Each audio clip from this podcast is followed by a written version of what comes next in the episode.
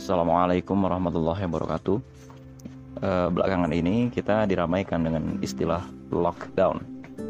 Lockdown itu ya sebetulnya uh, itu wewenang dari BPBD Badan Nasional Penanggulangan Bencana, gitu ya. Dan juga itu harusnya atas rekomendasi dari berbagai macam kementerian. Hanya proses ini menjadi rumit. Kenapa? Ini kan semua orang mengharapkan Presiden Joko Widodo dan Gubernur Anies Baswedan melakukan lockdown atau mengunci mati sebuah kota. Tapi tidak sederhana. Kenapa tidak sederhana? Satu, ada pertimbangan dari empat eh, menteri koordinator. Pertama, dari koordinator pendidikan nasional. Kan, pertimbangan apa? Pertama, selama 14 hari ini ke depan, itu kan pelan-pelan dunia pendidikan sudah mengunci kegiatan pendidikan. Di mana-mana sudah diliburkan, dan kemudian ini akan timbul masalah baru. Bagi para guru honorer, apakah akan diliburkan? Artinya gaji tidak dibayarkan atau bagaimana?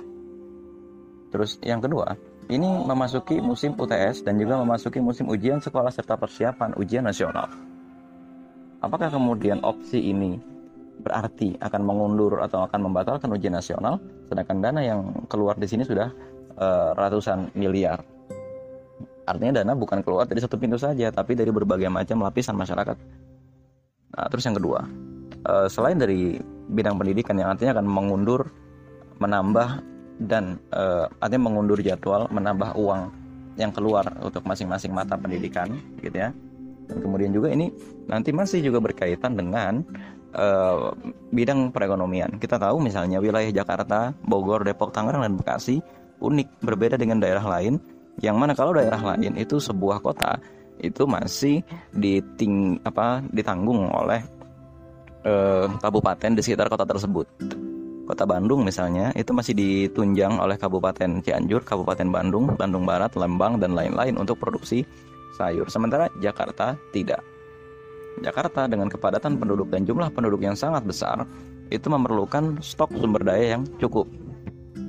Ya, Artinya sampai kebutuhan-kebutuhan dasar uh, seperti beras, sembako dan lain-lain gitu ya. Sampai dengan kebutuhan-kebutuhan kecil seperti bawang merah dan lain-lain itu yang kemudian ada di pasar itu tidak sederhana dipenuhi dan makanya transisi menuju lockdown itu dijalankan oleh pemerintah harus secara soft. Kalau tidak secara soft akan terjadi panik buying. Panik buying itu adalah pembelian panik. Pembelian karena panik yang biasanya ciri-cirinya jumlahnya besar yang disertai dengan melonjaknya harga-harga dan disertai dengan karena dia membeli dalam jumlah besar maka uang kemudian menjadi langka. Karena dalam satu hari atau dua hari saja terjadi pembelian besar-besaran sehingga uang yang ada di tengah-tengah masyarakat itu menjadi berkurang dan kemudian uang yang e, harga yang harus dibayarkan menjadi sangat-sangat mahal. Nah, dari apa yang sudah saya sampaikan ini kemudian tidak sederhana untuk kita menyerukan lockdown. Apa yang dilakukan oleh pemerintah sesungguhnya sudah tepat. Karena apa? Kita harus menganalisis masyarakat Indonesia secara sosial. Tipe masyarakat Indonesia itu yang pertama adalah panikan. Kenapa mereka panik? Panik terjadi karena ketidaktahuan manusia atas apa yang menimpanya. Artinya apa? Panik juga langsung berhubungan dengan tingkat pendidikan dan cara pendidikannya tingkat pendidikan masyarakat Indonesia itu tidak seberapa tinggi sehingga apa terjadi kepanikan massal yang nanti akan berujung kepada kondisi kaos ya kaos artinya eh, kondisi ini sangat mungkin menjadikan negara Indonesia itu diterpa inflasi besar-besaran diterpa kerusuhan besar-besaran yang kedua negara kita itu tidak hidup dari sebatas APBN saja tapi juga hidup dari investasi dan juga harga saham jika terjadi kepanikan di negeri kita atau jika terjadi panik buying di sekeliling kita, jika terjadi kerusuhan dan lain-lain, harga saham akan terus-menerus anjlok dan kemudian rawan sekali terjadi krisis ekonomi. Apalagi bila nanti kemudian rame-rame para investor itu menarik dananya dari Indonesia dan kemudian yang terjadi adalah terjadi pengurangan tenaga kerja. Akan ada lonjakan pengangguran. Apalagi jika misalnya sebuah kota di lockdown, otomatis tidak akan ada kegiatan industri apa yang terjadi? Kalau tidak ada kegiatan industri, misalnya sektor-sektor industri manufaktur itu bisa uh, satu di hari ke-14 setelah terjadi lockdown nanti harga-harga yang eh, harga-harga barang yang berasal dari industri manufaktur akan naik secara drastis. Karena apa? Karena biasanya pasokan barang-barang tersebut itu tidak banyak. Kemampuan produksi itu tidak banyak. Contoh yang paling sederhana apa? Baterai misalnya, barang-barang plastik dan lain-lain atau makanan-makanan ringan yang biasanya dalam waktu 10 eh, hari itu diproduksi. Sedangkan ketika lockdown terjadi lebih dari 10 hari, misalnya satu bulan atau dua bulan, maka akan terjadi sesuatu yang di luar bayangan kita. E, contoh lain selanjutnya, gaji para karyawan atau gaji para buruh. Ini akan terjadi kerugian besar-besaran karena apa? Karena ketika sebuah perusahaan tidak berproduksi selama lebih dari 14 hari, tapi kemudian para buruh tentu saja karena ini merupakan bagian dari kebijakan pemerintah, ya kan? Maka perusahaan itu harus menutup perusahaannya, tapi buruh harus tetap dibayar. Maka akan terjadi begini. Pada bulan itu perusahaan hanya akan memproduksi setengah dari kemampuan produksinya, tapi modal yang dibayarkan tetap seperti modal pada umumnya. Pasti dari pihak investor baik lokal maupun asing akan meminta dana talangan atau akan meminta dana pengganti kepada pemerintah sebagai kompensasi. Dan kompensasi yang harus dibayarkan pemerintah sangat-sangat mahal dan saya yakin pemerintah tidak punya uang sebanyak itu untuk mengganti seluruh kerugian uh, korporasi yang menimpa uh, negeri ini. Nah, Artinya apa? Ini tidak sederhana faktornya. Iya, ini masalah kesehatan, tapi kemudian kalau kita bersikap gegabah dalam hal ini, malah akan menimbulkan kerugian yang jauh, jauh, jauh lebih besar lagi. Nah, rekan-rekan sekalian, itu kalau uh, kita ke sektor manufaktur, belum lagi kalau kita misalnya ke sektor pangan. Di Indonesia tidak ada masalah lockdown saja, ini terjadi kelangkaan di mana-mana. Ya kan, apalagi ini musim uh, ada cabai naik gitu kan? Ada beras naik telur naik dan lain-lain. Ini malah kemudian akan menimbulkan masalah baru. Pemerintah itu lapisannya banyak. Satu dia harus berkoordinasi dengan bulog. Dua dia harus berkoordinasi dengan dinas transportasi. Dia harus berkoordinasi dengan TPID atau tim pengendali inflasi daerah. Ya kan? Ini pasti pemerintah juga mendengarkan masukan dari tim pengendali inflasi daerah. Karena apa? Tidak sederhana urusannya. Kalau nanti di sebuah daerah terjadi inflasi misalnya ujung-ujungnya yang repot adalah pemerintah kita sebagai masyarakat umum kadang-kadang itu e, berpikirnya maunya praktis. Lockdown, lockdown, lockdown karena apa? Kita kadang-kadang bukan lockdown karena karena logika, tapi lockdown karena panik. Selanjutnya lagi, gitu ya. Kalau tadi berkaitan dengan buruh, berkaitan dengan manufaktur dan lain-lain. Saya yakin tidak banyak wali kota di Indonesia. Lagi-lagi masalahnya memang di pemerintah. Saya yakin tidak banyak wali kota dan bupati di Indonesia yang bersiap-siap untuk kemungkinan terburuk ini. Pertama, fasilitas kesehatan di beberapa kota tidak mencukupi untuk adanya misalnya lockdown. Karena apa? Otomatis kalau ada mekanisme lockdown, terkadang barangkali pasien rujuk yang harus pergi keluar kota itu tidak bisa dirujuk lagi. Terus yang kedua misalnya e, arus barang-barang masuk dan keluar dari kota tersebut itu tidak bisa e, sebanyak yang dulu. Dan kemampuan kota itu misalnya untuk mensubsidi investor-investor lokal. Misalnya begini, ada satu perusahaan yang berkedudukan di satu kota dan itu bukan urusan pemerintah pusat tentu saja gitu ya. Terus kemudian meliburkan karyawannya selama tiga minggu. Otomatis gitu kan produksi yang biasanya uh, eh, 100% ini hanya menjadi 25% karena mereka hanya berproduksi selama satu minggu gitu. Tapi terus kemudian kan mereka mengalami kerugian modal dan kerugian modal ini pasti harus ditagihkan kepada negara. Otomatis juga karena memang terjadi pengurangan produksi, pasti sekelompok investor ini akan meminta pengurangan pajak. Kalau ada pengurangan pajak, maka akan berdampak kepada pengurangan pendapatan bagi APBN, APBD di setiap daerah di Indonesia tahun 2021. Nah, karena apa ya tadi? Produksinya tidak banyak, produksinya berkurang, gaji yang dibayarkan tetap sama gitu loh. Tapi kemudian kok pasti pajaknya juga akan berkurang maka otomatis pendapatan negara akan jauh-jauh berkurang. Di satu sisi pendapatan negara berkurang pajak akan terus naik. Maka opsi lockdown itu tidak sederhana. Mohon dipahami rekan-rekan sekalian ketika kita menuntut opsi lockdown mohon dipahami apa yang terjadi kepada pemerintah kita.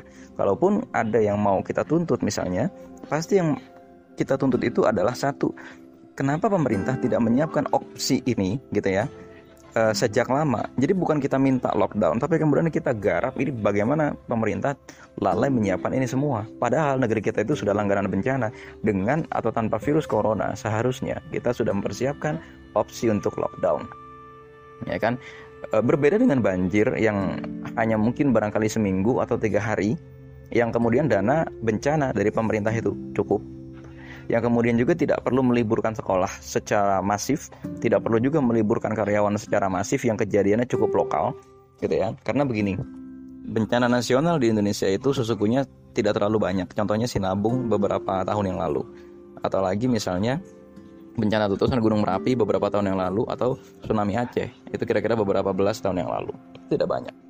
Karena apa? Rata-rata kondisi kejadian bencana itu hanya lokal di sebuah kota dan kemudian tidak menjadikan adanya libur massal bagi karyawan, buruh atau uh, uh, sekolah. Ini yang menjadi persoalan. Ini juga nanti akan menjadi masalah di dunia pegawai negeri sipil karena aktivitas administrasi berhenti sementara gaji tetap harus dibayarkan otomatis tekor. Berapa triliun yang harus negara keluarkan? Inilah yang kemudian sedang kita pikirkan. Assalamualaikum warahmatullahi wabarakatuh.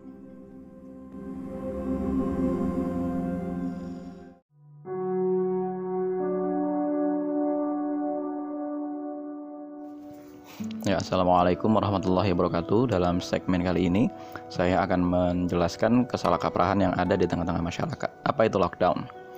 Lockdown itu adalah berarti sebuah kota ditutup, sebuah daerah itu ditutup dari segala aktivitas yang satu menimbulkan keramaian atau perkumpulan orang, seperti satu sektor pendidikan, yang kedua sektor pendi uh, buruh atau manufaktur industri, yang ketiga sektor pegawai negeri sipil, dan yang keempat uh, pokoknya keramaian-keramaian lain yang itu terkait dengan kegiatan partai politik, taman-taman hiburan, dan lain-lain. Ada beberapa kota sudah menerapkan bukan lockdown, tapi hanya penutupan sebagian fasilitas. DKI Jakarta itu sudah menetapkan untuk menutup semua tempat wisata yang besar. Terus kemudian disertai beberapa hari kemudian pengumuman untuk menutup e, lembaga pendidikan atau menutup sekolah dan kampus. Beberapa hari kemudian ada lagi anjuran untuk menutup semua fasilitas ibadah dan kemudian masyarakat diimbau untuk beribadah di rumah masing-masing. Itu bukan lockdown ya itu hanya penutupan sebagian karena kalau lockdown itu pasti disertai dengan penutupan jalan tol, penutupan pelabuhan, penutupan bandara dan lain-lain sehingga tidak ada orang keluar dan tidak ada juga orang eh, orang masuk ke Indonesia. Seperti misalnya pada saat terjadi di Cina, penduduk Wuhan tidak bisa pergi ke mana pun karena e, ditutup segala jalan yang ada di dan menuju ke Wuhan. Seperti yang kita tahu ya, eh, rapat-rapat yang ada di Alibaba misalnya kan terpaksa dibatalkan. Nah, artinya Indonesia belum menerapkan lockdown. Apa yang terjadi kalau lockdown gitu ya? Tidak sederhana karena yang pertama, pemerintah harus memastikan kota tersebut itu punya pasokan logistik yang cukup yang kedua, kota tersebut punya cadangan dana untuk bisa mengganti modal dari beberapa investor atau korporasi yang terpaksa menutup kerja perusahaannya, tapi harus terpaksa membayarkan gaji dari e, buruh yang ada di sana. Karena apa? Karena ini kebijakan pemerintah, maka otomatis pemerintahlah yang menyiapkan dana talangannya. Yang ketiga, potensi kerusuhan atau potensi e, keamanan yang tidak menentu. Ini yang paling dipikirkan oleh pemerintah. Maka rekan-rekan sekalian, uh, lockdown itu tidak sederhana. Ini saya lagi melengkapi uh, di di pembahasan saya yang pertama di podcast ngaji budaya ini. Lockdown itu kewenangan siapa? Lockdown itu kewenangan pemerintah pusat dan pemerintah daerah setempat.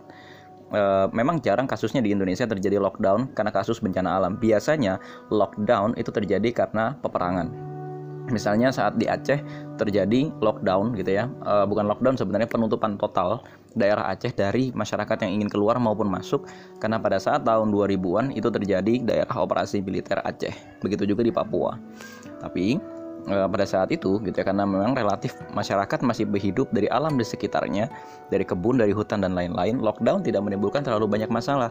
Berbeda apabila lockdown ditetapkan di kota-kota besar seperti ibu kota provinsi, ibu kota Jakarta atau kemudian di kota-kota besar yang lain.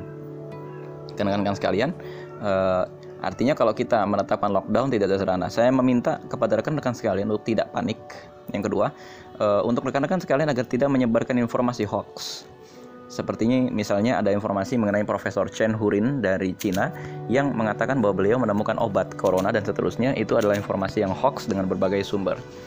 Rekan-rekan sekalian, mohon tidak menyebarkan informasi hoax karena itu malah bisa menyebabkan uh, kepanikan massal yang ada di tengah-tengah masyarakat. Apabila terjadi panik buying atau pembelian berlebihan, maka stok logistik yang ada di kota tersebut akan habis begitu saja dan terjadi inflasi karena uang yang beredar di tengah masyarakat menjadi sedikit. Kemudian harga menjadi tinggi dan apa yang terjadi di kota itu terjadi kerusuhan besar-besaran pada hari kesekian setelah kota itu ditutup. Hari ini pemerintah tidak menetapkan lockdown terlebih dahulu karena memang menakar kemampuan masing-masing pemerintah daerah. Jadi tidak sepenuhnya ini kesalahan pemerintahan pusat, tapi ini juga ada andil pemerintahan daerah karena memang pemerintahan daerah rata-rata tidak mempersiapkan kotanya atau tidak mempersiapkan kabupatennya untuk skenario terburuk yaitu lockdown tadi. Nah, rekan-rekan sekalian, uh, saya mengharapkan di sini rekan-rekan coba lebih arif gitu ya. Coba lebih arif untuk melihat segala sesuatu. Nah, uh, agaknya tidak semua hal ini harus kita tuntut kepada pemerintahan pusat karena adanya dinas kesehatan daerah, dinas pendidikan daerah, TPID, tim pengendali inflasi daerah dan lain-lain, PD Pasar Jaya atau PD Pasar Kabupaten setempat itu juga harus kita cermati. Apalagi memang tugas kita sebagai masyarakat untuk lebih proaktif menindak para tengkulak yang kapan saja bisa berbuat kerusuhan, kapan saja bisa menimbun barang-barang yang kemudian kemarin sudah kita lihat pada saat harga masker tiba-tiba naik. Assalamualaikum warahmatullahi wabarakatuh.